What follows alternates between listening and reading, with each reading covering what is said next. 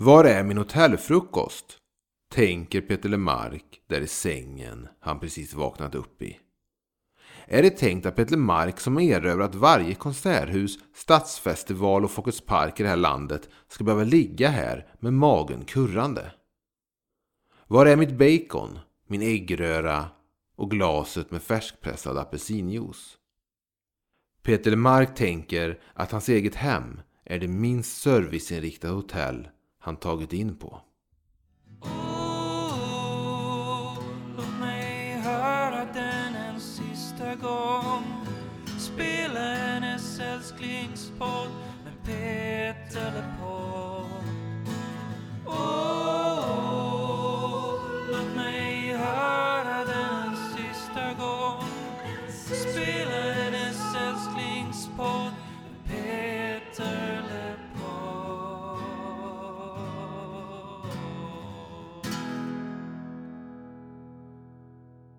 Välkommen hem. Det är alltid lika härligt att få säga de orden för varje gång jag säger de orden så betyder det att jag får kasta mig in i ännu ett avsnitt av Peter LePodd. Podcasten där jag, Tony Savela och Emil Gustafsson Ryderup. pratar om Peter Lemarks diskografi och karriär och mycket annat där kring. Och eh, nu är det alltså dags för albumet Bok med blanka sidor från 1995. Hur är läget med dig Emil? Det är bra. Jag har insett någonting eh, här som jag tycker det är, som är någonting som vi kanske har missat lite. Jag insåg att det finns ett till verktyg att använda i våra närmast akademiska analyser av Peter, Ma- Peter Lemarks låtar och eh, hans egen kanske inställning till sina låtar. Jag är lite överraskad att, att vi faktiskt har missat detta. Okej. Vi har berört det lite. Men jag insåg nu när jag satt och tittade i eh, hans bok eh, 100 sånger och sanningen bakom dem. Eh, och jag ville läsa texten till låten Stolt. Att den saknades. Och då gick jag tillbaka och såg, men vänta lite nu. Vilka låtar på skivorna är det han har valt bort? Som inte får vara med bland de här hundra. Så jag tänker att vi nu bara kan stanna upp lite och så kan jag bara redogöra för vilka låtar från de tidigare skivorna. Fram till Bok med Blanka som inte har fått vara med i boken. Och sen så kan vi väl ta upp när vi pratar om Bok med Blanka sidolåtarna när de dyker upp som inte fick vara med också då. Stolt kan jag ju avslöja en av dem. Okej, på vita plattan. De två låtar som inte får vara med i boken, texterna alltså. Av någon anledning, de kanske inte duger, han tycker textmässigt, han gillar kanske inte låtarna, eller så finns det en annan anledning. Hur som helst. Som att vänta regn får inte vara med, och inte heller världen stannar av. På närmare gränsen är öppet brev inte med, och inte hjälp detta barn. På välkommen hem får inte säg farväl vara med, eh, och det tror jag är den andra. På Sången om spelande filmens slut är inte ditt öppna fönster med. På Det finns inget bättre så inte Ge henne tid, Älskarens kors. Ja, Ge henne tid och Älskarens kors är inte med. Det kan vara så att jag missat någon kan jag säga. Och sen på Bok med blanka sidor så kommer det vara tre låtar vars texter inte får vara med i boken. Men jag vill ta upp dem när vi kommer till dem. Och det kan ju vara så att eftersom att boken heter 100 sånger så har han kanske bara valt ut 100 sångtexter. Och då har ändå de valts bort av en anledning. Min tanke när, när vi ska prata om den här skivan Emil är detta med vad den här podden gör med oss som människor. När man kastar sig in i en podcast som ska släppa ett avsnitt varje vecka som handlar om Peter Lemark Ja. att man med tiden nästan radikaliseras. Okej. Det blir väldigt mycket Peter Lemark. Eh, Det har blivit väldigt mycket Peter Lemark, det kan jag hålla med om. Ja. Och jag skulle säga att när vi började den här podden så var väl vi rätt vanliga fans. Ja, det var en, det var en, en rätt normal dos Peter Lemark som förekom i våra liv. På, på en skala 1 till 5 så skulle jag säga att fandomen av Peter Lemark låg på en trea. Ja, den sköt upp lite när jag var hemma vid jul och sånt i Trollhättan. Då gick den upp lite, men annars låg den nog där och skvalpade på en trea. Men, men nu när man inför varje avsnitt ska göra research och inför varje avsnitt så lär man ju sig mer. Och speciellt inför de här avsnitten då vi ska prata om specifika album så lyssnar man ju otroligt mycket på just det specifika albumet. Och jag har ju gjort det som en regel att inte heller lyssna framåt. Att jag inte lyssnar på Alltså pratar vi om Bok med Blanka så lyssnar inte jag på Nio Broars väg Bara för att, även om jag har hört dem förr, hålla dem liksom framför mig På något det är sätt nog smart, men jag har nog 25 gånger den här veckan lyssnat på hans liveskiva från 2008. ja. Är det fel då? Nej men det är ju en av de sakerna jag säger Att i, nu plötsligt så lever man ett liv då man kan lyssna 25 gånger på Peter Lemarks liveskiva från 2008 Och känna att det är rimligt Ja, att det ändå är så, ja precis. Det blir väldigt mycket Peter Lemark och väldigt mycket kring ens tankevärld kretsar kring Peter Lemark plötsligt. Vilket, oavsett hur mycket man tycker om Peter Lemarks musik, kanske inte alltid är så sunt. Nej, jag, jag var på besök hos en dam, bekant, som sa till mig till slut. Okej Emil, du får bara nämna Peter Mark från och med nu en gång i halvtimmen. Och så satte hon sin timer.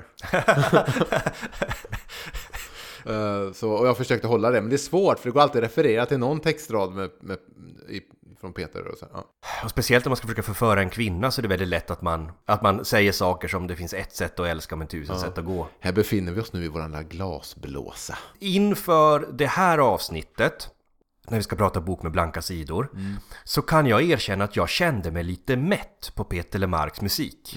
När jag skulle liksom hugga tag i den här skivan och börja råplugga den, liksom lägga den offline på Spotify så att jag kan lyssna på den när jag åker liksom tåg. Och nu för tiden så jobbar jag i Stockholm på veckodagarna Vilket innebär att när jag sitter på mitt lägenhetshotell på kvällarna eh, Så finns det inte så mycket annat man gör än att sitta och lyssna på Bok med blanka sidor och, och vänta på att nästa arbetsdag ska börja Då i alla fall så kände jag ett litet motstånd för att sätta igång för att jag var så här. Jag behövde rensa paletten kände jag. Så jag fick liksom ta några dagar, lyssna på något annat. Men sen, jag tog ett par dagar, laddade om, satte igång med bok med blanka sidor och kände då Fan det här är ju bra! Det här är ju riktigt bra! Och rätt som det är så är jag tillbaks i den där bubblan då liksom jag droppar textcitat i vardagliga sammanhang från den här skivan och går omkring och tänker när jag lyssnar på den "Ä- Är det, är det kanske Peters bästa skiva?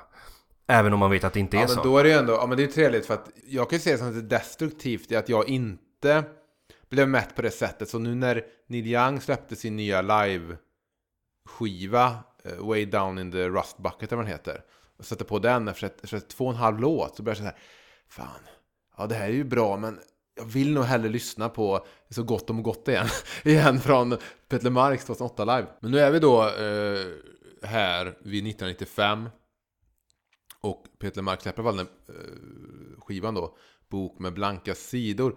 Det här var ju Peters första listetta.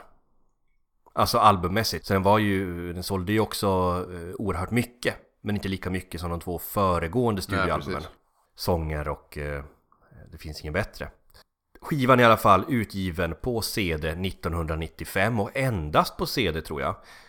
Kassett må hända men inte på, det, det vill ha sagt det, inte på vinyl i alla fall. Nej, precis. Nu, nu har Peter lämnat vinyl och MNV och hela, hela skivsverige har lämnat vinyl. vid det till- Och den är utgiven på skivbolaget MNV, producent är återigen Tony Thorén. Men eh, nämnde du singlarna? Nej, vilka var singlar från den här skivan Emil? Ja, den här, den här skivan hade många singlar likt den förra, vilket jag också tycker är intressant. Var det kutymt att man slunga ut många singlar från album på den här tiden? Jag har alltid sett som att, ja, vi pratade ju med Lasse Erman i ett avsnitt av i höstas, där han pratade om, ja, en normal beställning till honom var typ, vi behöver skivomslag och vi, behöver, vi kommer behöva omslag till tre singlar. En singel innan plattan släpps, sen en singel ungefär när plattan släpps, sen kommer en ny singel efter. Men eh, det finns inget bättre, det är fem singlar och här har vi också fem singlar i Sverige plus en i Norge. Singlarna är Lyckliga ögon släpps först, sen Fyra steg i det blå, Sen kommer en norsk promosingel som är Blå taxibil. Inte släppt i Sverige. Sen kommer då Tess som blir en superhit. Sen kommer också Dessa tankar på dig. Och sen släpps också Ett sätt att älska, tusen sätt att gå. Och jag undrar då, om det här är kutymt att man släppte många singlar för att singlar sålde bra till exempel, säger vi. Eller om det här var att skivbolaget själva inte riktigt visste Ja, det är en bra platta Peter, men vi har inte riktigt den där singeln som sticker ut. Vi får skjuta lite olika här och se vad som fastnar. Mm. Det är där jag undrar om det kan ha varit så. Samma Ja. med Det finns inget bättre. Att man kanske kände att fan, vi har inte någon sången de spelar när filmen är slut här riktigt. Vi får, vi får pröva lite. Ja. Jag har tänkt på vad som gör att den här skivan, för på ett sätt känns det som en väldigt personlig skiva. Väldigt verklighetsnära. På ett sätt känner jag också att det är en skiva av låtar som Peter lika gärna hade kunnat ge bort till andra artister. Det finns någonting blandat där för mig lite i hur skivan låter. Och, och så DN fångade in det här rätt bra eh, i ett stycke i sin recension av skivan, där den fick tre. DN skriver Bok med blanka sidor bjuder, bjuder ingen utveckling. Inte heller någon stagnation. Det är den här kontrasten, den här lilla konflikten där. Möjligen har perspektiven krympts och sångerna blivit mer här och nu.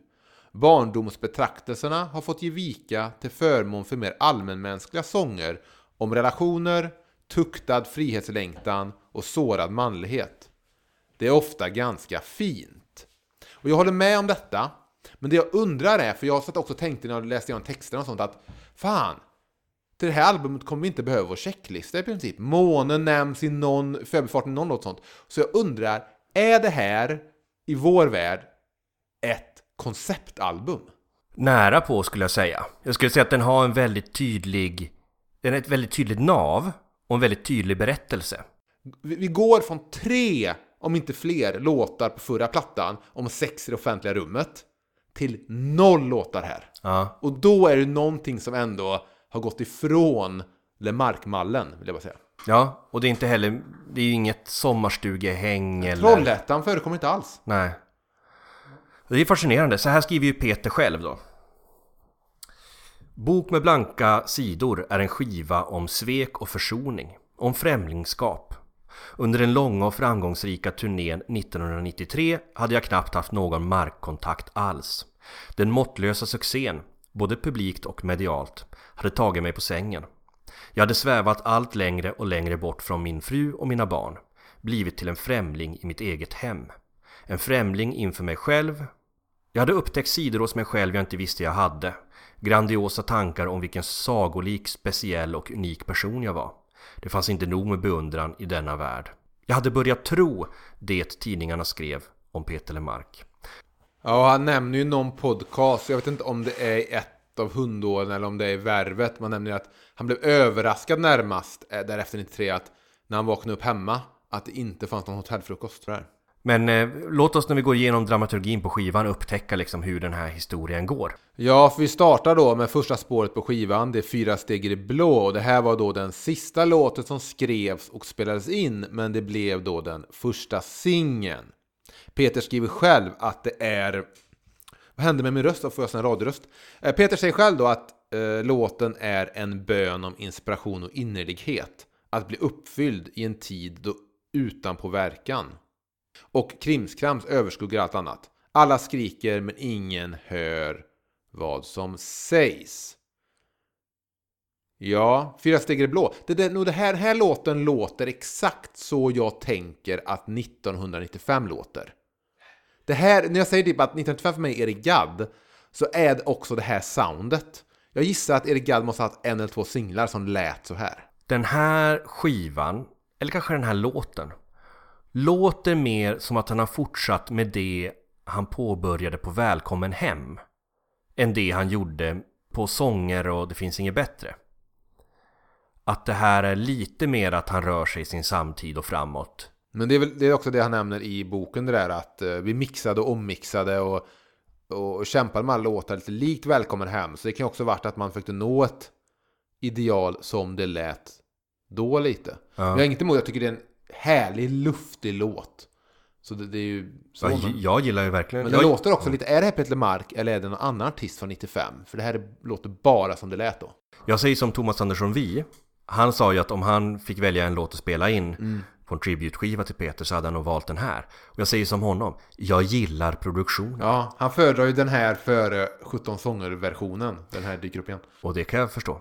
Nej men jag, jag har trott att den här var väldigt programmerad Men nu när jag lyssnar så inser jag att det är bandet som är så samspelta Och lyckas få till ett så beslöjat sound Att det låter hårdare processerat eller producerat än vad det är Jag tror att det, det handlar om att Det är som CC Top, ibland så kan man tro att de fortfarande har trummaskiner Det är bara det att de är så jävla taktfasta.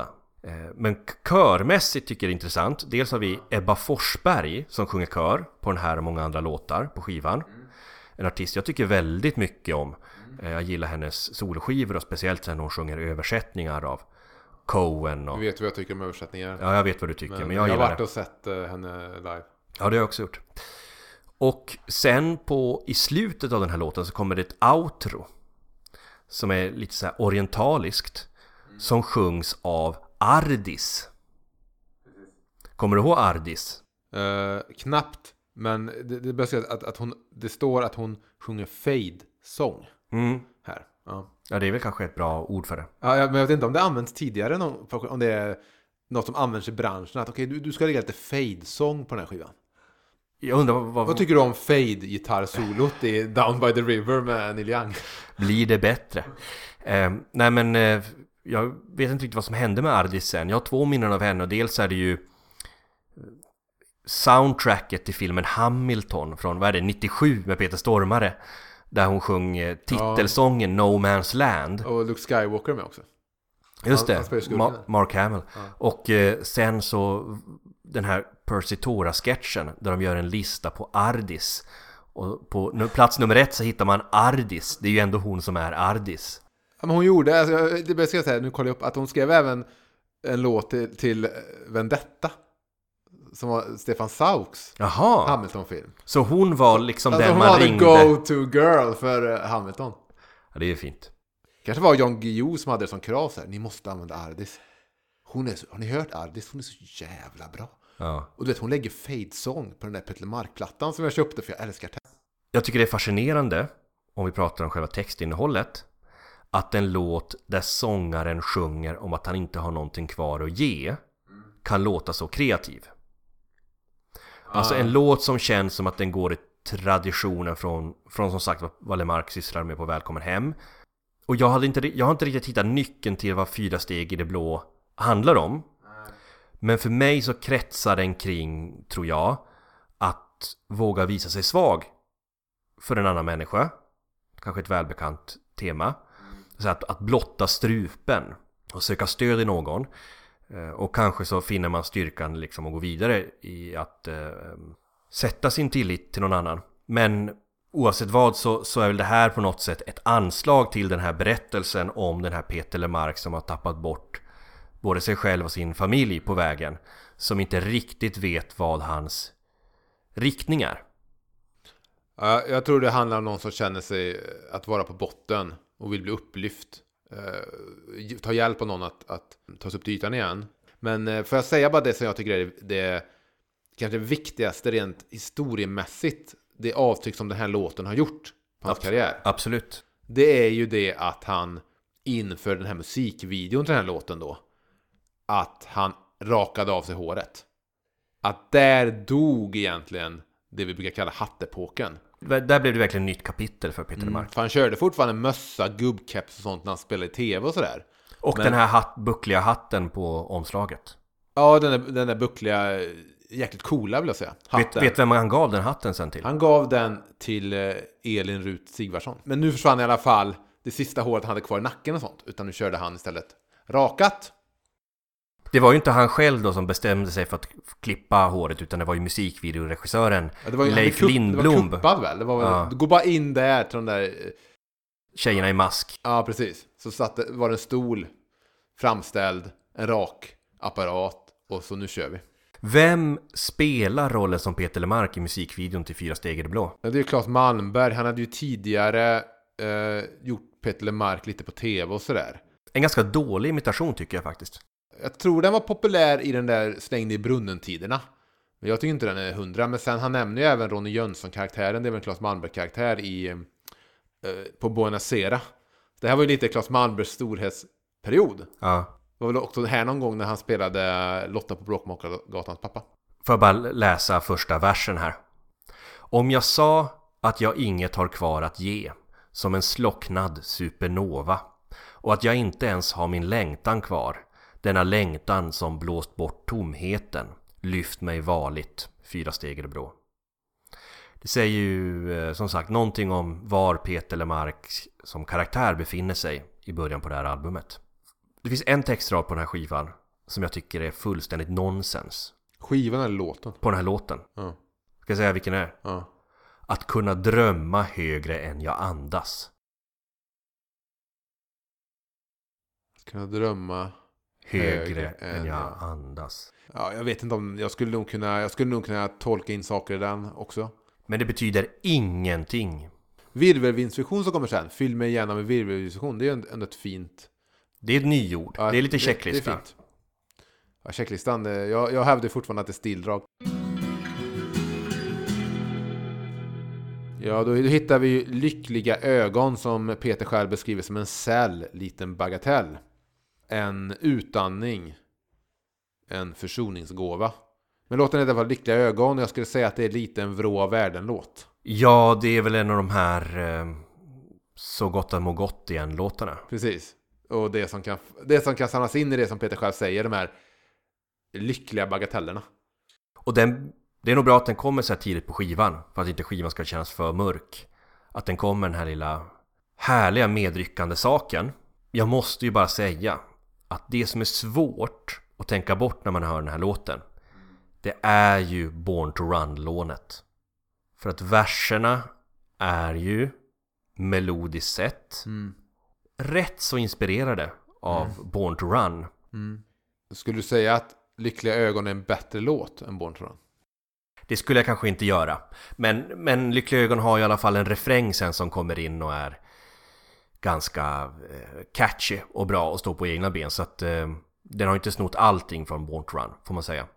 Men jag, jag gillar Lyckliga Ögon. Jag tycker det är en, det är en, det är en låt som ger mig ett konsertsug. Att stå i en publik och liksom vifta en knytnäve i luften. Jag tänkte på det, jag är 100% säker på att om man hade gett sig ut och turnerat 95 igen, turnerat den här skivan, så hade det här varit en stor publikfavorit. Ja, Det här, det här är lite, hade varit den nya Väntade mirakel nästan. Jag tror när han turnerar där 2007 igen och kör sina konserter den hösten, att bara en låt spelas från den här plattan och den spelas bara en gång. Gissa vilken låt? Det är inte Lyckliga ögon. Jag skulle tänka mig att Lyckliga ögon alltså, hade kunnat varit en så här, ja den ska spelas som fjärde låt varje gång. Men jag den, hoppas det var aldrig äldre än så här. Bok med blanka sidor. Ah. I Norrköping tror jag den spelas. Okej. Och den eh, spelar han ju också live i tv sen. eh, Bok med Blanka. Sista låten, vi kommer till den sen. Nej, men Lyckliga ögon har ju det där rockdrivet, den där känslan av att röra sig vidare. Ja, jag tycker den där mandolinen från, är det Pelle Sirén som spelar? Tycker jag är riktigt fin. Och vet, vet du vem det är som körar på den här låten? Nej? Niklas Strömstedt. Aha. De spelar ihop i Finspång i en busskur. Ja. Och där tänker Peter. Den killen. Du hör väl den där sångstämman som Niklas Strömstedt ligger, lägger på Helpless Som han spelade i busskuren. Den där borde jag ha med i Lyckliga ögon. Innan vi går vidare vill jag också bara säga vad låten handlar om. Min läsning av vad låten handlar om. Som är ganska självklar. Och jag vet att du kommer bli lite besvärad eller besviken nu. Men jag tror den handlar om att Se en kvinna i ögonen medan man älskar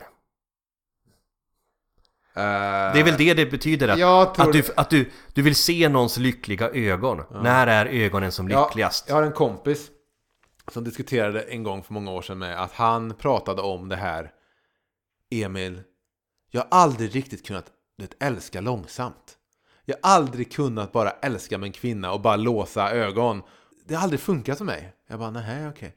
Ehm, så det är det du menar lite, det där, eh, det där långsamma älskandet och bara se någons ögon glittra. Jag tror att det här är en betydligt mer säll, liten bagatell som Peter säger, än så. Jag tror inte det handlar Okej, om det överhuvudtaget. då, vill, då vill jag att du hör de här textraderna Åh, det känns som regn efter en lång het sommar Låt himlen rinna ner Som om jorden är åter våt och villig Som en välsignelse så fånga leendet på flykten och bara njut av en timma till Du vet så väl vad jag vill Det här handlar om när bråken är över När de återförsonas Så ligger de igen så som de gjorde förr och jag vill se dina lyckliga ögon.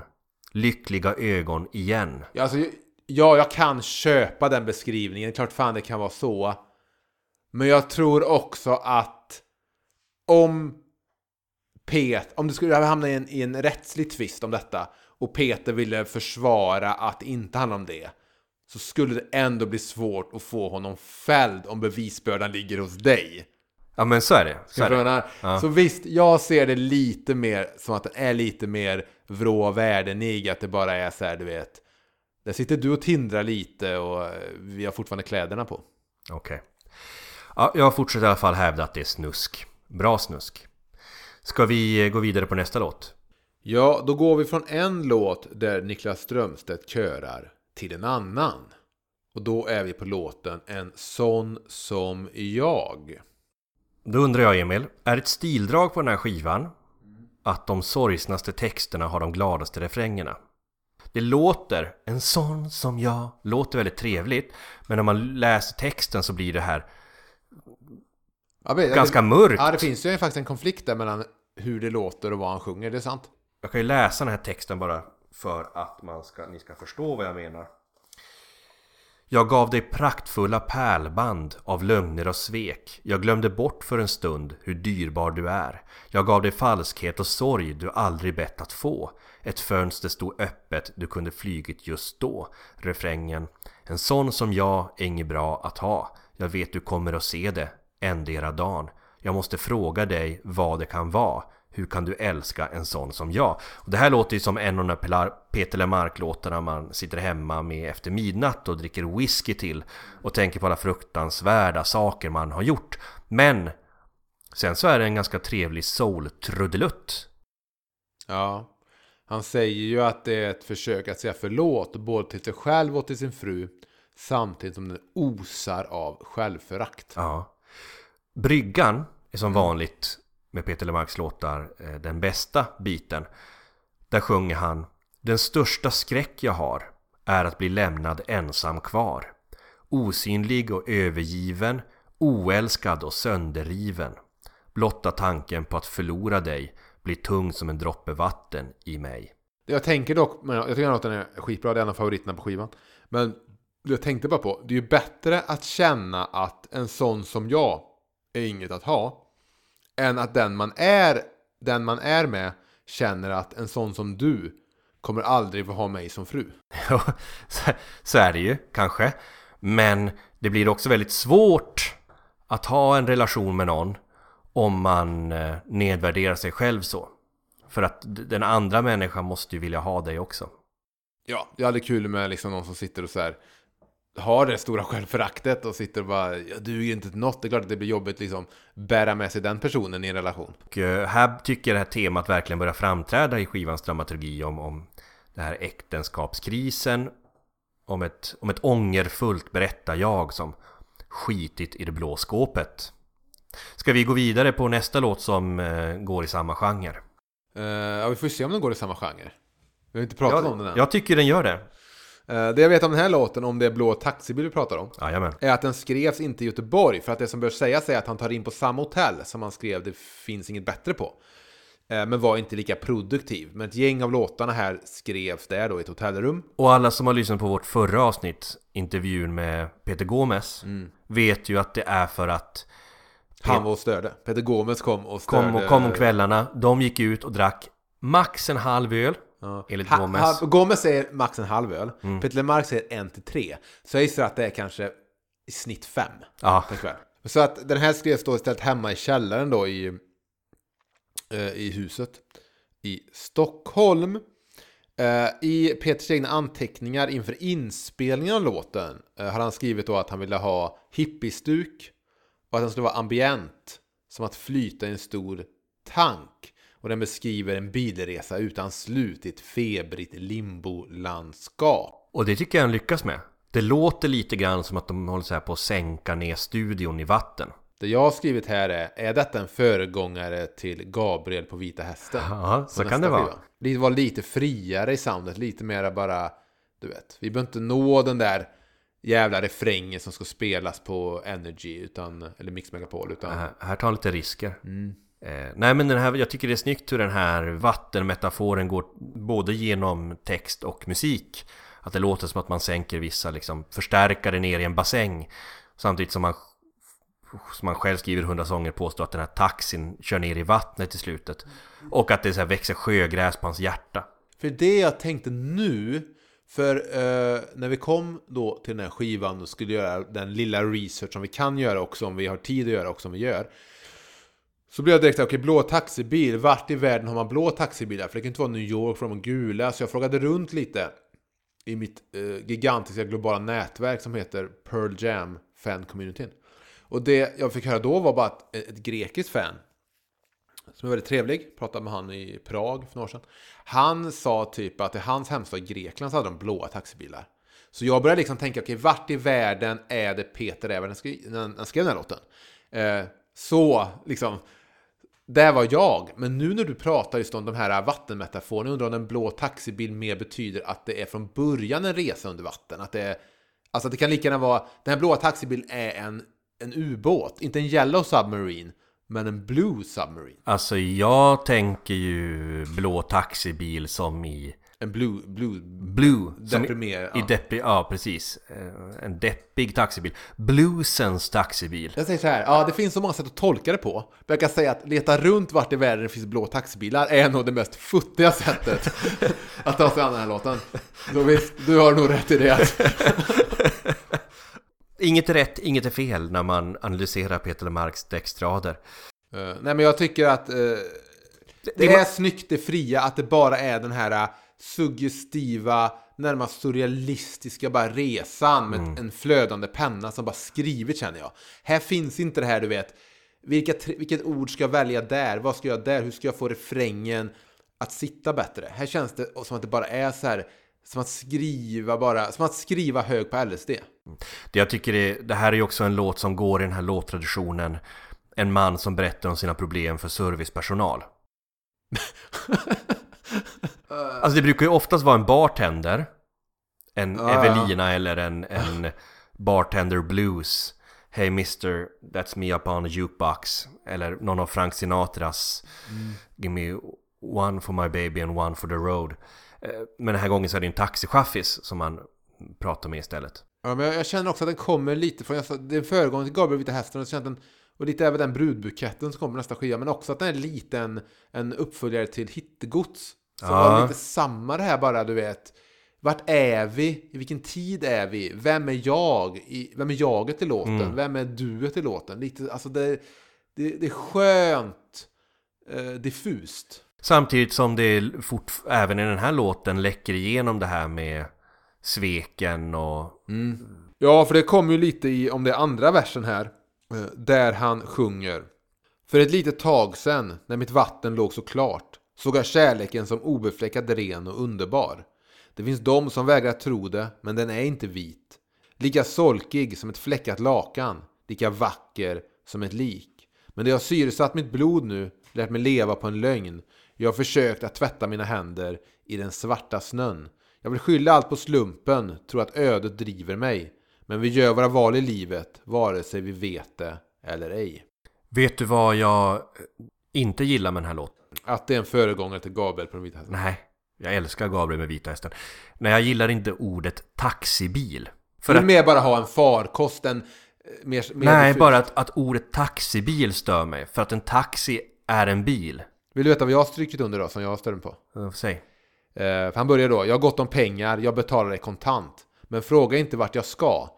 Du kan få mitt kort i pant. Att han pratar om, om det är ett kreditkort han syftar på, då känns det lite som när han börjar sjunga om CNN på tvn och så. Det blir för, okej nu är vi i den här tiden, okej kreditkorten har, har, har blivit vanligt nu i Sverige.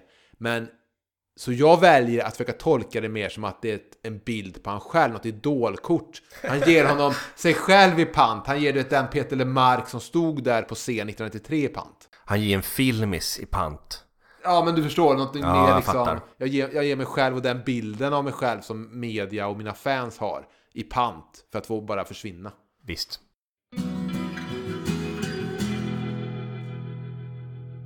nästa låt är ju Fruset vatten. Fruset vatten, eller som det heter på svenska, is. Mm. Och den här, ja, ja, det beror på hur man ser på det. Men jag vill säga att den här låten, låttexten fick inte vara med i boken. Nej, och jag kan, först, jag kan förstå varför. Eh, Oj. Nu, nu ska vi inte prata om för mycket om eh, eh, var man har lånat grejer ifrån. Mm. Men den här låten har ju vissa distinkta likheter med en Bob Dylan-låt som heter Everything's Broken. Mm. Som är en sån här låt där Bob Dylan listar olika saker. Som är Ja, det, broken. är- det är en sån där klassisk listlåt som finns. Ja. Lite likt en låt som Pearl Jam gjort som heter Wishlist. Som just handlar om att lista saker som, som Eddie önskar att han var. Det var roligt när Bob Dylan eh, han fick motta ett pris på Music här och han höll ett tal och han dissade Tom T. Hall, countrysångaren. Eh, lite skämtsamt att han hade väldigt många låtar som bara var listor. För det, och det är sant också, Tom T. Hall har väldigt många låtar där han bara listar saker han gillar. I like beer. Ehm, och, och country is. Men, men så har ju Dylan själv gjort många låtar där han listar. Och här är i alla fall en låt då, då eh, Peter Lemark listar frusna saker. Det var ju också första låten han skrev till skivan.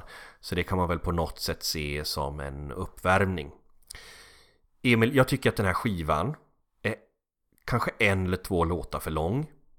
För att vara en perfekt, album, perfekt albumlängd. Mm. Och jag skulle vilja säga att det är den här låten.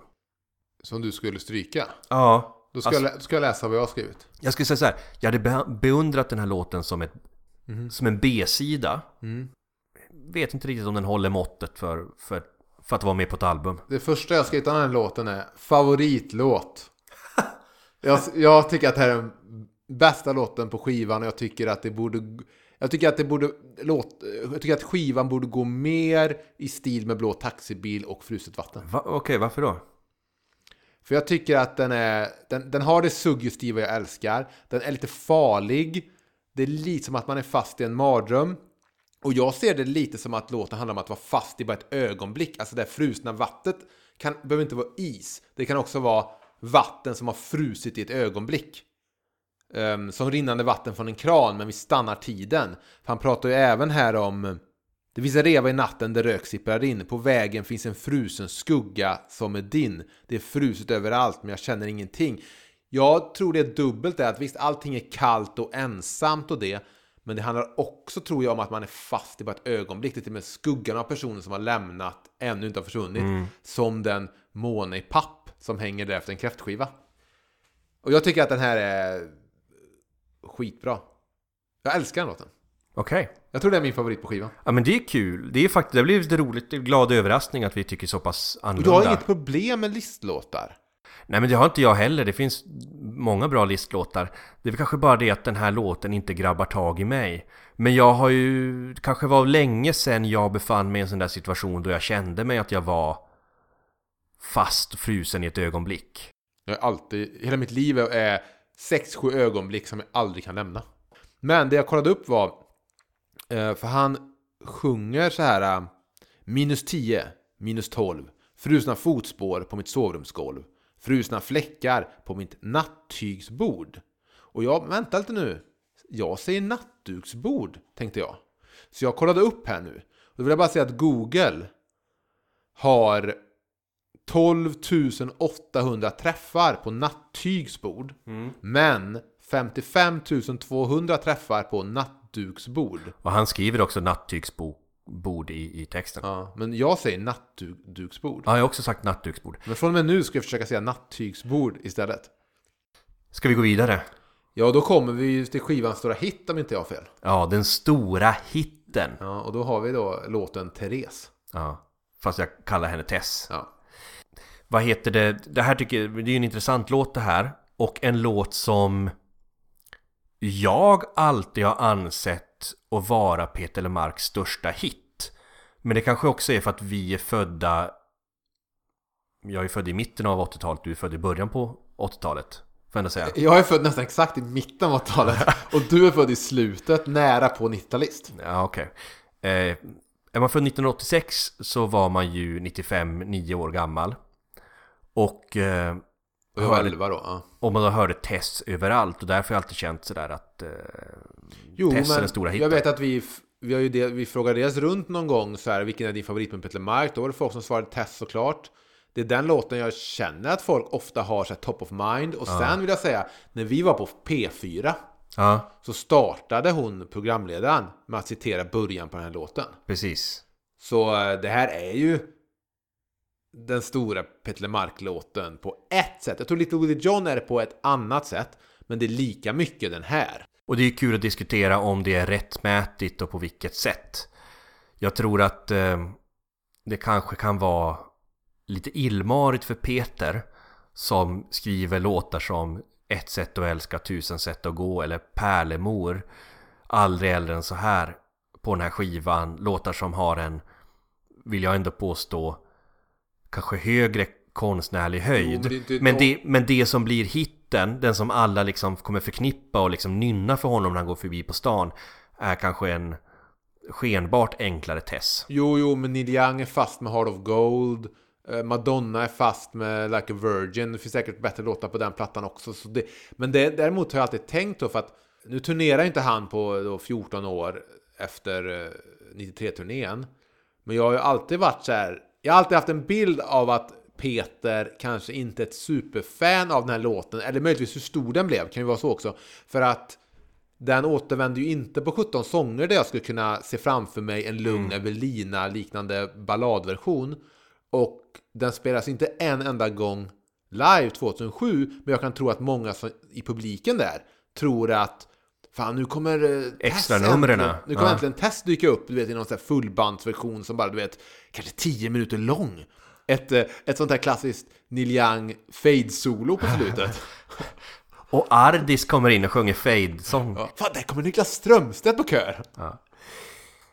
När jag växte upp så stod det eh, hemma hos min mor alltid på en radio i köket som spelade den finska radiokanalen Radio Nova. Radio Nova var väl en blandning mellan ett, så ett finskt P4 och Radio Riks kan man säga kanske. Så, och i mitt, mitt minne så hade de så egenheten att det var liksom en liten mängd låtar som de spelade på ständig rotation. Att det det kom in nya låtar men det var ett gäng låtar som om du Som aldrig försvann. Nej, men som Lite försvann. likt i rockklassiker. Ja men Det- typ, och att det kunde vara sådär att om det här inte var låtar som de spelade åtminstone en gång i timmen så var det så en gång per dag. Eller flertalet gånger per dag. För jag minns mycket tydligt hur man kunde få höra så här, på, när vi åkte bilar till min gammelfarmor i Finland. Att man kunde höra så här Scorpions Winds of Change flera gånger. Tråkig låt. Eh, dire Straits, Your Latest Trick. Väldigt mycket så här 80, tidigt 90-tal ballader. Med mycket så här saxofonblås. Spelades någonsin Bad Religion? Nej, det gjorde det inte. Springsteens Sad Eye spelades ofta och den har jag alltid förknippat med Tess just därför.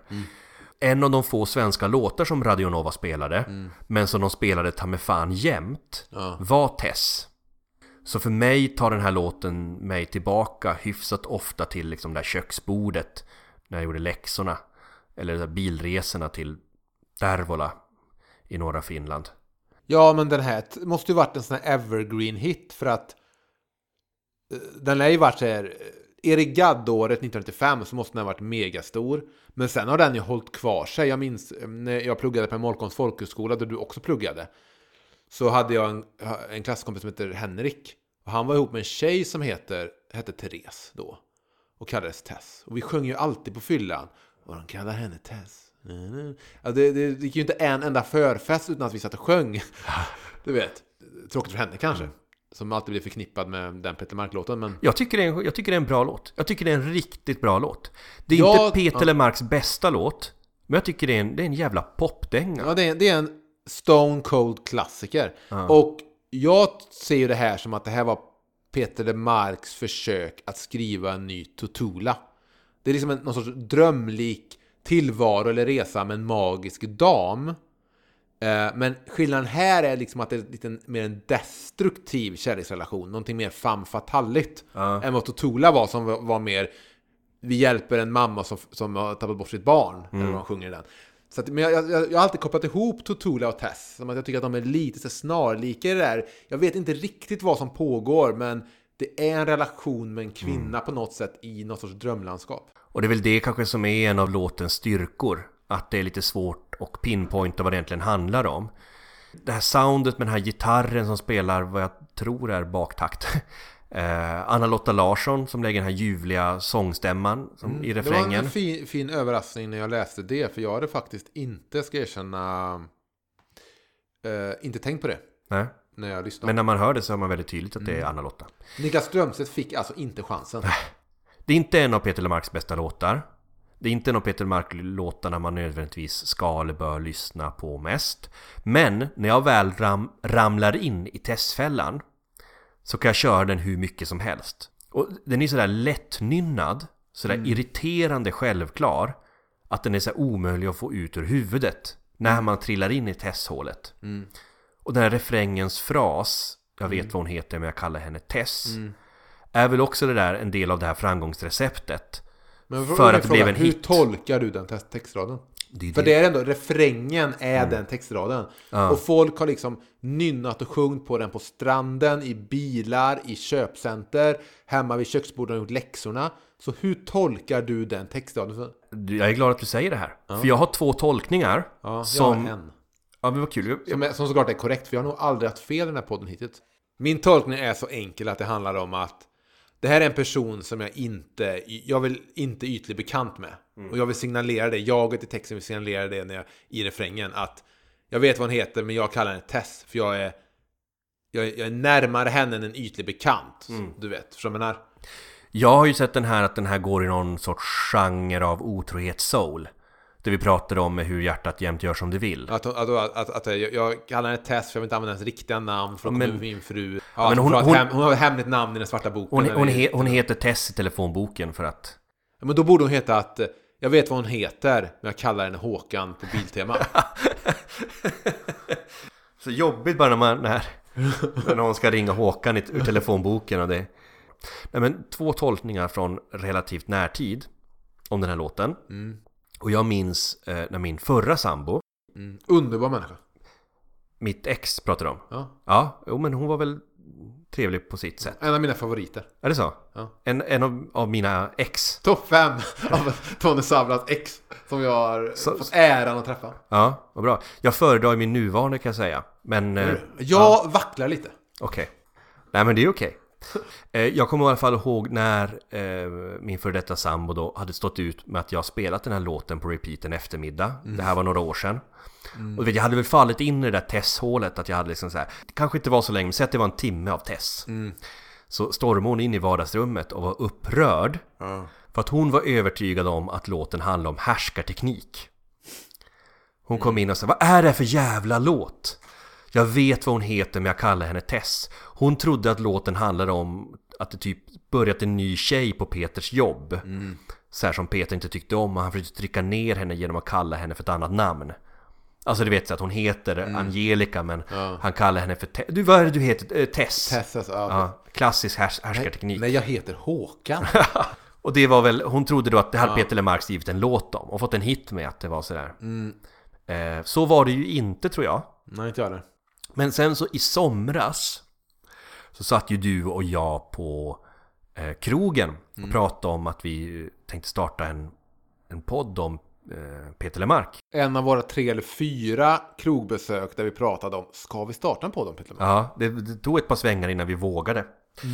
Och då i alla fall så var det en, en bartender, eller men en, en servitris, servicepersonal. Kan kalla henne för Evelina.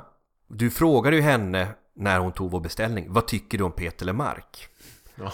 Och då eh, svarade hon någonting, sen kom hon tillbaka och sa när hon kom tillbaka med våra öl, men hon blev kvar och stannade, stannade och snackade en stund. Och då sa hon att hennes pojkvän, vilket jag tror att hon la till för att hon, du vet, trodde att du stötte på hon henne. ville markera. Hon ville markera att jag har en kille.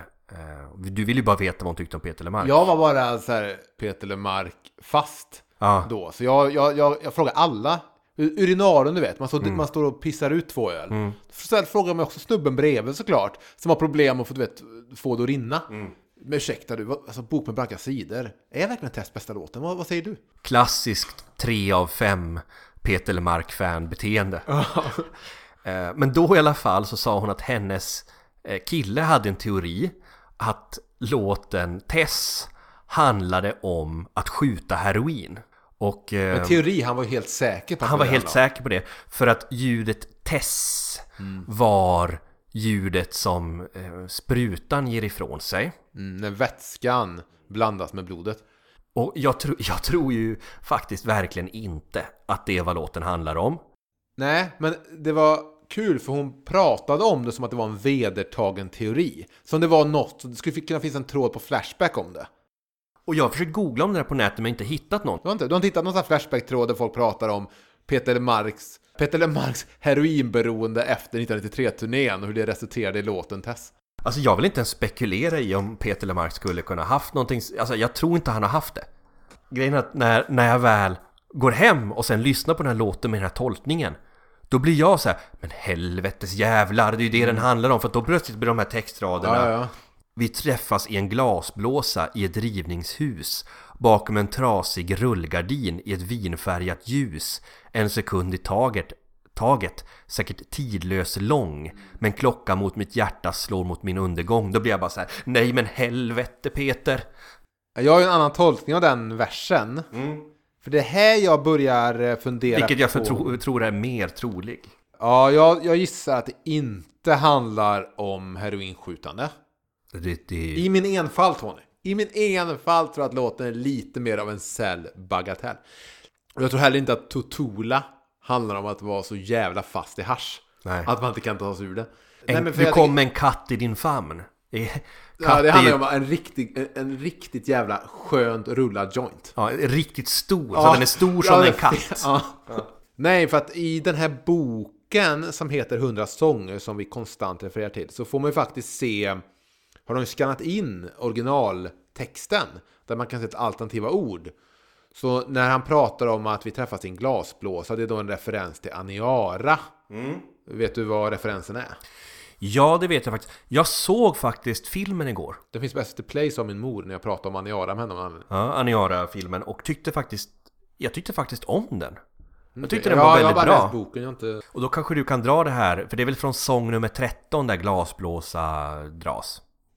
Mycket möjligt. Men ja, för jag har nog, jag nog, jag kan säga, här, jag har nog alltid sett glasblåsa lite som att, jaha, det här är något arkitektbegrepp. Alltså man bygger en glasblåsa, att det kan vara som, men du vet som att säga att man ska bygga en sån här, vad är det man har på trädgården ibland med fönster runt om? Vad heter det? En lust... En lustgård till exempel. Ja. Ett, an- ett annat ord för det i arkitekttermer är typ att man bygger sig en glasblåsa. Men i, i eh, boken så eh, refererar man till, man gör någon sorts, eh, man likställer liksom Aniara, det här skeppet som sakta rör sig genom den tomma kalla rymden med att det skulle vara som en glasblåsa i en glaskropp. Ett glas eller någonting som sakta men säkert rör sig. Den lever i den här glaskroppen. Och eh, han sjunger då vi träffas i en glasblåsa i ett rivningshus. Men alternativa ord var ju vi träffas i en skenbar värld, vi träffas i en låtsasvärld och i ett sorts rivningshus. Och då börjar jag tänka, kan rivningshuset vara en annan relation? Att vi, vi träffas på ett hotell i Tunisien en vecka i våran lilla bubbla, våran verklighet som är den här glasblåsan. Eh, I det här kaoset som är min nuvarande relation. Eller eh, så börjar jag tolka det. Eller som att i all, eller, eller om, vi, om vi räknar bort en annan relation. Att det är rivningshuset är bara den vanliga jävla världen man, man är fast i. Så är den här glasblåsan ett vakuum av lycka, tillfällig lycka, där man kan kort kanske, om det är någon sorts femme fatale-figur den här Tess, kort men ändå hett, starkt, intensivt, så kan man tänka bort den vanliga världen. Lite som att sitta på ett konferenshotell i baren och träffa en, en kvinna i din favoritlåt eh, Hur hjärtat jämt gör som det vill. Eh, ja, det där också jag har sett kopplingen till att man träffas i ett rivningshus, man träffas i hemlighet. Och att den här glasblåsan är... Eh... Ja, jo men jag har gjort lite samma tolkning som dig faktiskt. Så då tycker jag ändå det är fint den där bilden av den här glasblåsan som sakta rör sig runt i det här, den här glaskroppen. Som är, och det här, för, för det kan ju vara så när man har, vet, man träffar någon som man kanske vet är tillfälligt eller det kommer inte hålla eller man träffar någon utomlands eller någonting men man vet att den här veckan jag är på Mallorca så kan jag träffa Jessica från Luleå som jag aldrig kommer träffa igen. Men just här och nu så finns det bara vi två och den övriga världen är bara en kall rymd som inte existerar. Jag tycker bara det är lite, lite fint. Men Emil, när, när eh, jag hade fått den här Evelinas eh, den här servitrisen Evelinas När hon hade liksom satt griller i huvudet med mig På mig med den här liksom knarktolkningen Som jag inte tror stämmer Så läste jag glasblåsa som Den glasblåsa man hamnar i när man är i ett rus Och nu, jag ser det nu. Jag ser Ja. det och jag köper den. Och jag, jag, jag, mina tankar gick direkt till Keve Hjelms monolog ur min svenska favoritfilm Kvarteret Korpen När han pratar om alkoholismen som en dykarklocka Exakt. Och då såg jag liksom ett beroende som en, en glasblåsa Men absolut, jag tror ju att eh, En blåsa i Guds andetag eller vad det är som är citatet från Aniara Men vare sig man vill se det som någon sorts vacker, underbar femme fatale som kommer förgöra en till slut, eller heroinet som också är någonting vackert som kommer förgöra en till slut, så är ju sista versen, eller näst sista kanske, men versen som går Som i en strömvirvel, jag är ett sjunkande skepp. Allt för sent förstod jag vad det är som skett. För hon rubbar mina cirklar, hon skövlar och förstör. Hon ger mig ingen ro. Och, inte men, utan och jag älskar det hon gör. Det tycker jag är så snyggt att det, även om det är en destruktiv relation med någon eller om det så hade varit en knarkskiljning så är det ändå så snyggt att all det här jävla skiten med den här människan Mm. och jag älskar det hon gör. Att jag liksom, jag behöver nästan på ett masochistiskt sätt. Mm. Att jag mår bra i att den här människan förgör mig på något sätt. Ja, Nej, jag, jag älskar det. Jag tycker det är skitbra. Jag tycker, det är, jag tycker låten blir bättre och bättre. ja och borde den varit med på 17 sånger i en, i en lugn version? Det får vi veta när vi pratar om den skivan kanske.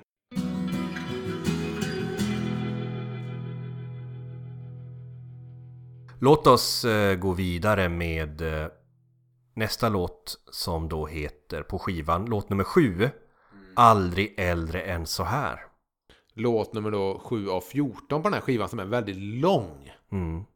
För att, ja, det är nu man kommit in i de här CD-längderna på skivorna då. De, de blir väldigt långa skivorna. Jag tycker att 10-11 låtar är så ett perfekt album. Men, Mm. Får jag säga att nu tycker jag också vi är inne i the deep shit. ja. Jag tycker att den här skivan når sina höjdpunkter halvvägs in. Lite likt väl hur du tyckte med Välkommen Hem. Ja, men lite så var det väl också att efter andra hälften så började det liksom hetta till på riktigt. Jag undrar om Peter här vid det här tillfället, vid det här tillfället hade just läst Harry Martinsons bok Aniara. För det är tredje låten, aldrig så här, där han refererar just till Aniara. Så kan det varit så att han någon gång där 94 plockade fram den boken från bokhyllan han kanske inte hade läst sen eh, gymnasietiden kanske. Eller möjligtvis att han lånade den på bibblan när han ändå var där och lånade böcker med sina barn eller någonting. Och läste Aniara här. För det här är då alltså tredje låten som han nämner handlar lite om, eller tar, refererar till Aniara. Som han skriver här då. Det här är ännu en färd ombord på Aniara. Eller ett skepp kallat Natten. Ensam och utlämnad i väntan på morgonen. Han sjunger då i första versen Här är ett barn utav glas Ensam ombord på ett skepp kallat Natten Fjärran under en himmel av gas Jag blir aldrig äldre än så här Ja, men vi har ju låtar tidigare, Blå är nattens låga och sånt. Han är ju väldigt bra på att beskriva den där otroliga ensamheten som uppstår när man är vaken mitt i natten. Och av vilken anledning nu är, inte kan sova. Jag skulle säga så här att plocka fram whiskyn, kära lyssnare Eh, För här har vi ett äpple att bita i Jag tycker ju att det här är skivans absolut bästa låt Jag Och- kan köpa det. Och jag skulle kunna säga att det är kanske en av Peters bättre låtar. Eh, Dra åt helvete vilken låt. Mm, det är en låt som jag skulle kunna beskriva med ett ord det är eh, vacker. Aha. Det är en väldigt vacker låt. Som Anna-Lotta Larsson också sjöng in väldigt fint. På en skiva. Alltså jag vet inte vilken... Ja, vi har brum. Atmosfärsljud av min granne som har en motorcykel. Ja. Ja, Jag vet inte vilken ände man ska börja när man pratar om den här låten. Eh, produktionen kanske, som vi inte har ordat nog om på den här skivan. Den här liksom, den värmen och det djup som finns i ljudbilden. Och den där orgen i den här låten som sveper in som en kram genom hörlurarna. Och körer som nästan göms i mixen men som så smyger förbi och smeker ens öron. Och det här pianot som låter som tårar som smattrar mot ett plåttak. Och det är liksom hur alla de här instrumenten går ihop till en smältdeg som imponerar på mig. Och i outrot känns det som att flera instrument, gitarr, piano, orgel, sparrar mot varandra och, och Mm. turas om att, att skänka nåd eller någonting. Och samtidigt så är det också Peters bästa sånginsats på den här skivan. Och det här dunkla i texten kommer verkligen fram i hans frasering. Mm. Vad innebär det? Jag blir aldrig äldre än så här. På något sätt tycker jag att den lite hör ihop med eh, Fyra steg i det blå. Att det handlar om att när man känner sig svag, ynklig och obetydlig. Att man blir buren av någon annan. Men här har vi också han det här temat som man har i flera låtar. Och, och som jag pratat om tidigare också. Det här med att han bär liksom alla åldrar inom sig. Så när han sjunger då Jag blir aldrig äldre än så här, den jag varit än alltid är. Så handlar det om att man Alla åldrar man någonsin varit, allt och allt man upplevt Bär man alltid med sig i nuet. Den ryggsäcken lämnar den liksom aldrig. Det är väl också det här att allt man bärs med, all, all ångest, all sorg, all depression och allting. Att hur lycklig man ändå är egentligen, eller, hur, eller vilken ändå tillvaro man är i, där allting borde vara så jävla bra. Så bär man ju ändå också alltid med sig all den skit som man haft innan. Den släpper ju inte bara för att man nu kanske råkat köpa det där huset. Jag vet inte, bagare Mossen kanske han bodde här.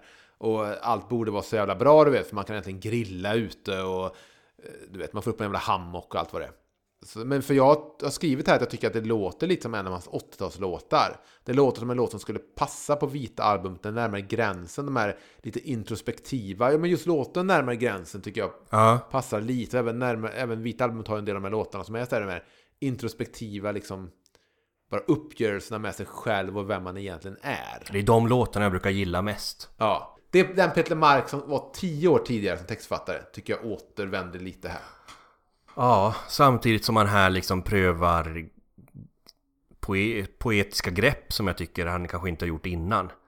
Det är lite av en annan Peter Lemark vi möter samtidigt. Jag förstår vad du menar, det är en fot i det förgångna men också någonting som som vågar vara lite mindre tydligt kanske. Mm, det har ju det suggestiva, diffusa, det som är att även äh, återfinns i skivomslagen från den här tiden. Där man aldrig riktigt får se Peter. Men det spelar, alltså på samma sätt spelar det egentligen ingen roll vad låten handlar om. För låten lyckas med det där som jag skulle vilja säga att Peters bästa låtar, eller nej ta mig fan alla de bästa låtarna lyckas med. Att framföra en känsla och en mening som inte går att översätta ut ur musiken. Alltså det går inte att berätta aldrig äldre än så här som ren poesiuppläsning. I synnerhet inte i en pretentiös och långrandig podcast. Och inte som ett filmmanus eller som en pjäs. Utan det är bara som ett stycke musik man kan berätta känslan och stämningen i aldrig äldre än så här. Och det tycker jag vi har här. Det är också en av de här låtarna där jag inte kan... Jag kan inte sitta och nämna och rabbla låtar som jag tycker att han har lånat från eller låtar som det påminner mig om. Det är liksom... Det är en av de där låtarna som är omisskännligt Peter Lemark. Men vad betyder det att uh, Torbjörn Hedberg har, har spelat morsesignal? Det är någon klaviatur där som, som låter lite... Ja, jag tänkte att det låter som en puls. Det är vad jag har hört den som, att den låter... Jag tänkte att det kanske var en morsesignal, att eh, Peter har suttit hemma och lärt sig morsealfabetet och sen bestämt att okej, svagt här i bakgrunden ska vi lägga in någonting från riktiga nördarna. Här är morsesignal som eh, drar första sidan från Aniara eller något sånt där. Jag tänkte säga att man får så budskapet så här McCartney's dead. Precis, precis. Jag kan aldrig sluta att drömma Morgon besanna mig, ta mig ombord Nej men fy fan vilken låt Har du något mer att säga? Nej, mer än att eh, det var skönt att höra då vilken som troligtvis är din favorit på skivan och att jag har svårt att argumentera mot att det skulle vara den bästa låten. Den är, den är inlindad i en jävla känsla. Den är bättre än Fruset vatten Eh, jag föredrar nog fruset vatten för den har lite mer stomp i sig. Ja. Nästa låt, eh, Stolt. Ja, det är låt nummer två som inte får vara med. Texten får inte vara med i eh, 100 sånger då. Mötte inte du någon som hade tatuerat in Stolt? Nej, jag har en kollega som hade träffat en kompis som hade det var två Petter Mark-tatueringar, jag minns inte den andra, men ena var att, att personen bara hade tatuerat in stolt. Och då blev det så, av alla låtar att välja, av allt att lägga de där tatueringspengarna och tiden på, så väljer man alltså stolt. Eh, är det mer än att vara ett 3 av 5 Lemark-fan? Ja. Eller är det att vara mindre än 3? av- Ja, Stolt är väl en mm, trevlig refräng, lite stompig, skönt eh, driv. Men jag har inte så mycket att säga om den. Jag tycker det är lite en peppig version av en låt som kommer sen som heter Gå ingenstans utan mig. Jag kan säga en sak då bara innan vi går vidare. Och det är att han, han sjunger Jag är stolt att dela din glädje, stolt att bära halva din skuld. Stolt att bära din börda, stolt att bära denna ring av guld. Han har alltså gått nu då från en ring av silver, silverring, till en ring av guld, guldring. Så att eh, de där, de där, de där fattiga dagarna med mannagrynsgröt i en, i en tvåa då, när man har råd med silverring men ändå all kärlek som finns i den där ringen, har blivit en riktig ring av guld som kanske är det eh, som är standardvalet när man gifter sig. Det är fräckt. Nästa låt, Vad skulle du med mig till? Som Peter själv skriver, det finns ett chickaboom i den här låten som får den att låta som I'm on fire. Han har försökt... Eh...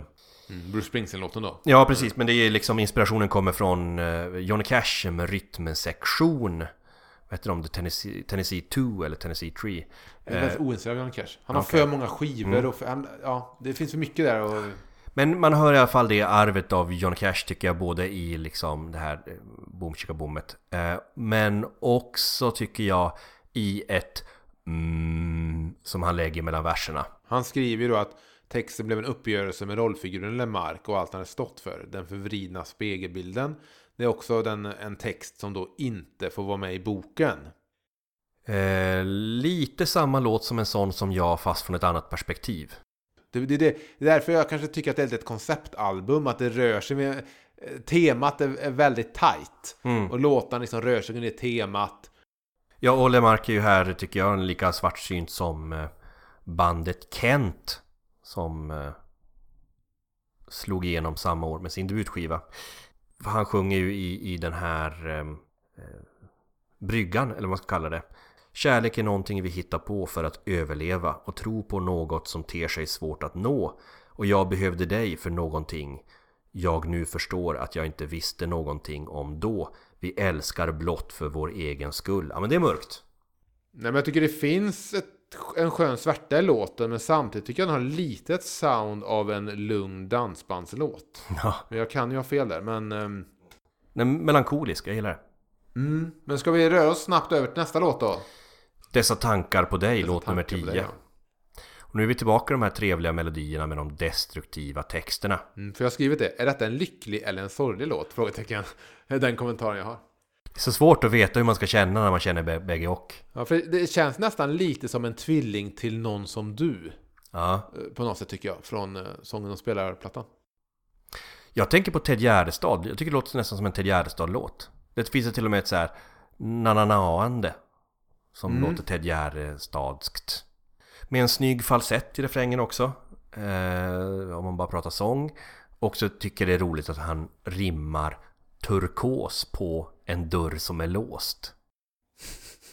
Jag skulle säga att det är ett, ett, ett regelbrott. Eller att det är snyggt. Alltså är du ironisk när du säger att det är snyggt? Eller, Nej, jag tyckte, det var, jag tyckte det var snyggt på riktigt. Jag tyckte det var lite roligt.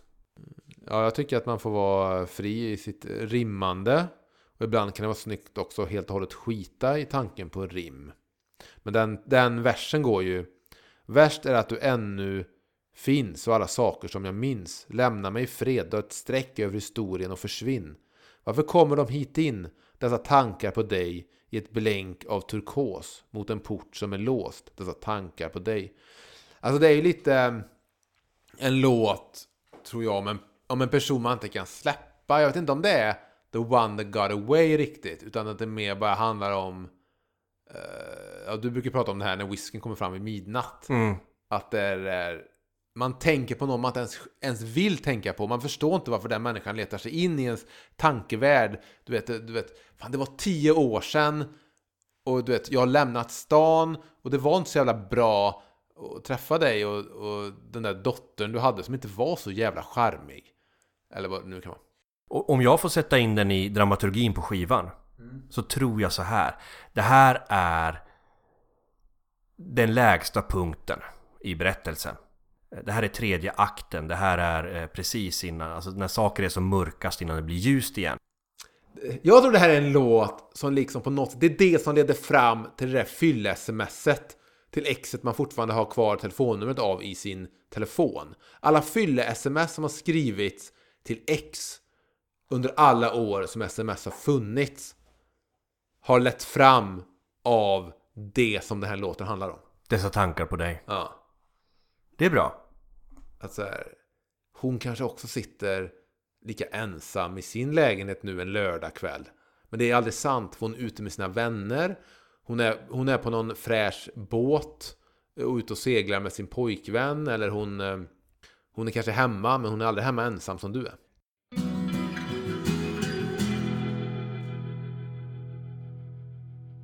Ja, vi går över då till Gå ingenstans utan mig. Och här skulle jag säga i den här dramaturgin Så är det här liksom Det är nu de hittar tillbaka till varandra. Vår, vår huvudperson och hans Älskande Eller älskare. Eh, Det är nu de hittar tillbaka till varandra och eh, eh, Mm, jag, jag tycker det, att... det här är det lyckliga slutet på något sätt Allting som kommer efter den här Ja. låten Handlar på något sätt om att resa de glas som föll under festen Men Mm. det här är liksom ögonblicket då de Där allting blir bra igen Mm, ja, och kanske precis att tillsammans bearbeta det, det man har varit med om kanske. Men sagt, jag, som jag sa, jag tycker att den här låten går ingenstans utan mig väldigt lik Stolt. Så Stolt kanske är då, om vi ska följa ditt narrativ, så kanske Stolt är när man i sin ensamhet tänker på vad man egentligen håller på att förlora kanske. Att fan, jag Ja. var ju så, det var så jävla bra med dig och jag, jag är stolt över dig och jag, allt det här du vet och du betyder så jävla mycket. Och här, det här kanske är en, ja det står ju, han säger själv att det är en vädjan om försoning. Att hitta tillbaka till det som var. Det är lätt hänt i ett förhållande att man tappar bort varandra. Att man inte går med jämna steg. Eh, han kallar den låten också en hjärtnupen. Det betyder alltså sentimental. Soul pop trudelutt. Och ehm, eh, precis, så det här kanske handlar om, precis, det här är den faktiskt vädjan till personen. Stolt är tanken på fan som lett fram till vädjan. Väldigt fin refräng och sådär Man skulle kunna hävda bara att eh, Gå ingenstans utan mig Kanske Mm. påminner om en viss låt som heter If Not For You När han sjunger Utan dig är jag en tågförsening If Not For You eh, Tanke bara Och vilken låt är det du syftar på då? Det är en Bob Dylan-låt Ja. Alltså du bör nog, när du pratar om mobilen kan du nämna att du pratar om mobilen. Ja, inte bara förutsätta att alla Ja, så jag också kan stoppa om jag känner ett behov. Får jag bara nämna Bob Dylan två gånger per halvtimme? Ja, precis. Men eh, utan det är en tågförsening, den nämner han själv i, i sin bok att det är kanske hans konstigaste metafor. Eh, jag tycker den känns lite Svensson med tanke på hur alla har, hur vi lever med den här terrorn av SJ som aldrig Ja, lever upp till de ska göra eh, med att man ska komma fram i tid. Så tycker jag ändå att jag förstår exakt vad han menade. Nästa låt Pärlemor Mm, här åter han, använder han då ordet pärlemor som väl används också i Håll om mig. Precis. Och där användes ju Pärlemor som en metafor för hur kärleken kan skydda en mot världen utanför. Kanske den gör här nu också, jag vet inte. Ja, jag sjunger han ju Pärlemor ge mig till sådana drömmar där ingenting gror. Pärlemor jag hoppas och tror. Det går ju refrängen då. Eh, han säger i sin bok att i Pärlemor försöker jag måla- måla ett övergivet och kargt landskap. Den ödemark jag befunnit mig i efter den sista konserten. Texten bredde ut sig till en episk feberdröm. Det kringresande tivolit, som nämns i låten då, var förstås min egen turné. Jag tycker den här låten påminner lite om Brudbuketten som vi kommer att prata om på nästa skiva. Det är också de här... äh, På ett sätt är det väldigt tydliga resor. Det handlar om ett tivoli, det handlar om äh, att gå på en viss tågstation och allt det här. Men det är samtidigt i, i en surrealistisk värld på något sätt. Han har också sagt att han i låten Pärmor vill minnas att han vill hitta någon slags känsla som finns i Fleetwood Macs låt Albatross och i Beatles låt Sun King. Och det kan jag också höra i att det, det är ju väldigt, en episk, väldigt stor låt i, i soundet. Jag eh, kan tycka att jag är mer intresserad av jammet än av själva texten. Texten är intressant med sina drömbilder och det är jävligt trevligt att sjunga med i refrängen Pärlemor. Jag tycker väldigt mycket om den här låten. Men jag tycker att det är jammet med bandet som är liksom den stora höjdpunkten. Att man hör att bandet får släppa loss och, och det finns ett fint samspel mellan sång och, och gitarrer och, och Ja men den har, den, har, den har verkligen något som jag har svårt att förklara. Men den är, den är jäkligt, jäkligt bra låt. Så, s- Mer analys än så kan inte jag bjuda på. Nej, okej, jag, jag, ja, jag håller med. Men jag tycker man ändå inte ska se bortom texten för att den tillhör den genre av låtar med Peter som jag tycker om extra mycket. Och det är de när han är i sitt Lemarkska drömlandskap. Och, eh, och bygger upp någon sorts värld framför sig. Det kan vara tivoli där, det kan vara... Ja, de står vid ett vändkors som han nämner här. Och, Nej men här är det så uppenbart att han drömmer för att det finns till och med en scen här när han vaknar. Och efter alla de här drömbilderna så sjunger han Jag vet inte vad som hände, jag måste somnat en stund. Någon slickade min kind och jag vaknade, det måste varit en hund. För det första så hoppas jag verkligen det var en hund som slickar hans kind, annars blir man nyfiken på vad det kan kan ha varit. Kan Tess. Jo, men samtidigt, men nu har jag precis sett Dr. Caligaris kabinett här, filmen från 1920, den eh, tyska expressionistiska filmen. Jag vet bara att den slutar också upp någonting i att vi vaknar upp ur drömmen och i verkligheten, men den slutar ändå upp med, eller är det fortfarande drömmen? Så jag vill bara säga att, att han har somnat en stund och någon slickar på min kind och jag vaknar, det måste ha varit en hund. Han kan ju fortfarande vara kvar där med Ah. karavan och allting, så att det kan ju vara han som somnar i den här det det febriga surrealistiska landskapet och inte så att han vaknar upp i bagarmossen. Tror du att du skulle kunna lägga Pärlemor-låten över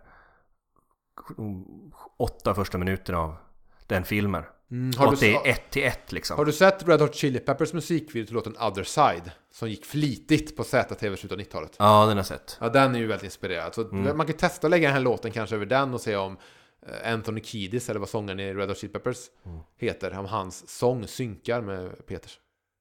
När jag läste det då att han, var, att han ville ha samma känsla som i Fleetwood Macs Albatross så var jag lite såhär, men vilken jävla låt är det med Fleetwood Mac? Så jag var tvungen att lyssna på YouTube.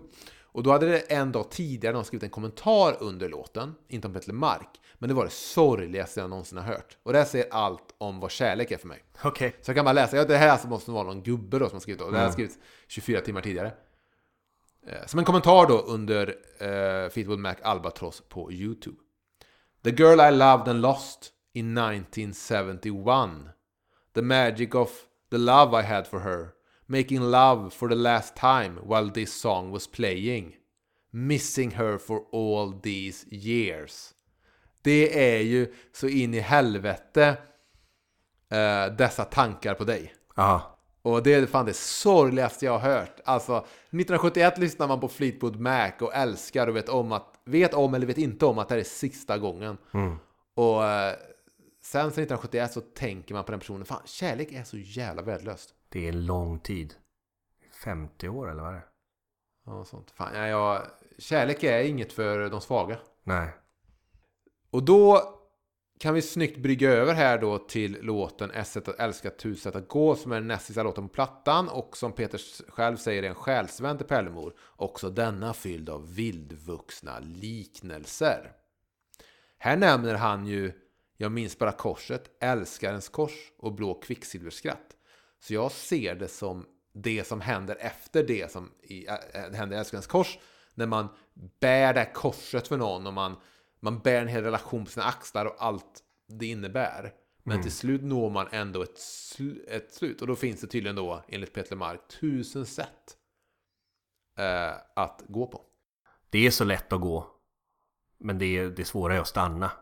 Och det är väl häftigt om man, man lyckas göra det. Ja, ja, ja, jag såg det mer att det finns tusen sätt att skada någon och det är oundvikligen. Men visst, du tolkar det mer som att det är så här. Visst, det finns tusen anledningar och tusen sätt att lämna någon. Men det finns ett sätt att hålla kvar. Och då är det så här, av de tusen ett sätten totalt, om vi räknar om det är matte nu, så är det ju att, att välja det sättet är fan inte så jävla enkelt. Nej. Men Ja, precis. Det är ju jävligt snyggt. Nu känner jag mig så jävla dum igen att jag Det är, har... det, är, det är tillit, det är förlåtelse, det är att stå nakna inför varandra. Det är allt det här som han har sjungit om tidigare. Det stämmer Men fortfarande. tänk alltid ha de här tusen... Båda har då... Vi säger att de har 500, 500 var säger vi. Mm. Vi säger att det är tusen sätt totalt i en relation.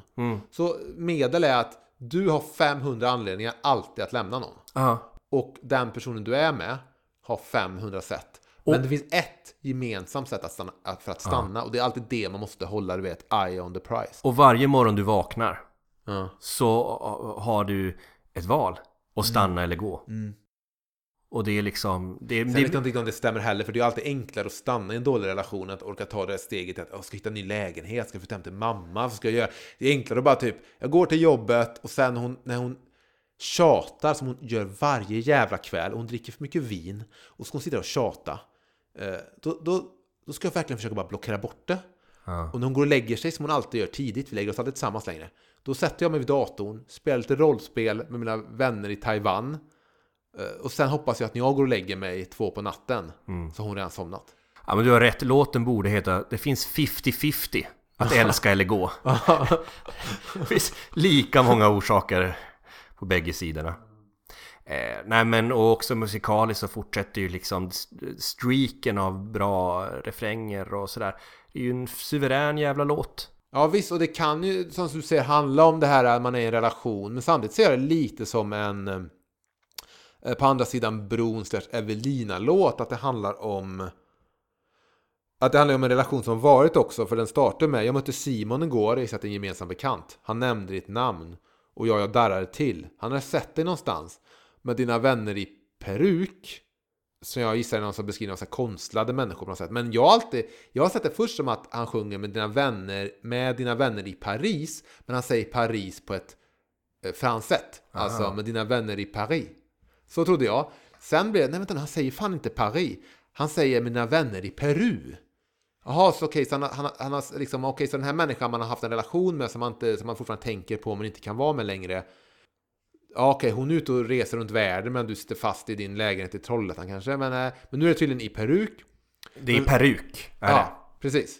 Och då, då tror jag det mer betyder kanske att det handlar om väldigt upp, Alltså att det handlar om konstlade människor på något sätt, det är en symbol för det.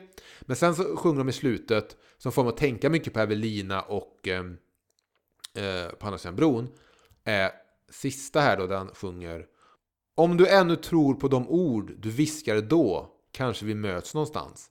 I en annan tid, vid en annan strand, ett liv någon helt annanstans. Så om vi stöter ihop på någon gata eller torg eller så, bara en blick, ingenting mer, bara så att du förstår. Alltså det där man, man träffar någon gammal älskande och man bara ser varandra, känner igen varandra, man bara passerar varandra. Att det finns... Så jag tycker att den här är lite mer, lite mer på andra sidan broig än vad refrängen vill ge sken av. Nej men så är det absolut. Det finns en historia där. Och kanske så är det, jag vet inte, samma kvinna från Tess och dessa tankar på dig. Ja, eller så är det ännu en låt om Evelina. Ja, Så jag, tror precis. jag, kopplar ihop. Jag ser faktiskt, nu kommer jag faktiskt bestämma att det här är en trilogi. Evelina, på andra sidan bron och Ett sätt att gå.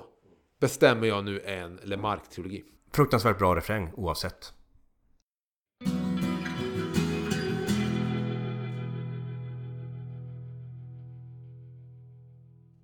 Ja, och då hamnar vi på sista låten som också är titelspåret. Det är alltså den enda låten på skivan, om inte jag har fel, som då spelats live.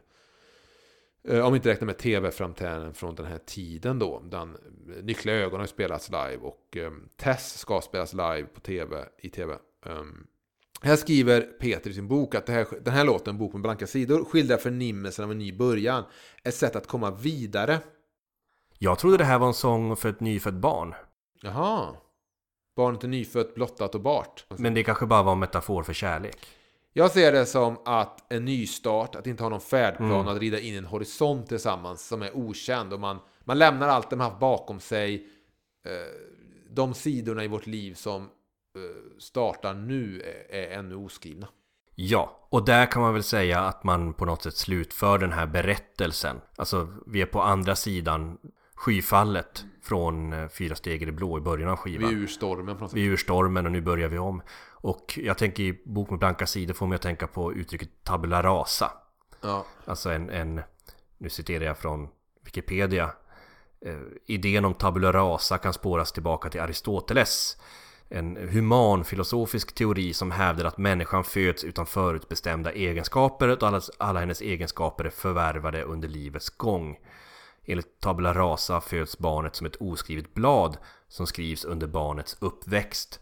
På något sätt så tänkte jag att kanske om man fortsätter metaforen med ett barn så kan väl ett förhållande vara så också att man börjar på en clean slate och fyller det med grejer. Men det är väl lite om man har genomgått en kris och kanske man kanske till och med har gått i parterapi lite så är det väl lite att nu lämnar vi det här bakom oss och så eh, får man på något sätt eh, starta om. Jag tänker på en annan poet som sjöng eh, Börja om från början, börja om på nytt. Varför ska man sörja tider som har flytt? Men det är samtidigt svårt, man bär alltid med sig rygg, ryggsäcken som, som Peter ofta sjunger med. Att man har alla, man har alltid med sig alla ångest och alla åldrar inom sig och det här. Och, visst, det är väl ett snyggt slut på den här eh, sagan som är den här skivan. Att vi slutar med blanka barn. Lite som vi gör med våran podd också. Ja, Att vi skriver ju en podd med, eh, i någon sorts bok med blanka sidor också. en podd med blanka sidor. Precis, kunde varit titeln. Varje gång vi trycker på record Ja. så är det någonting nytt vi kastar oss in i utan Och att du veta som vad vi också inte lyssnar skivorna framför. För dig blir det ju lite på något sätt nu då.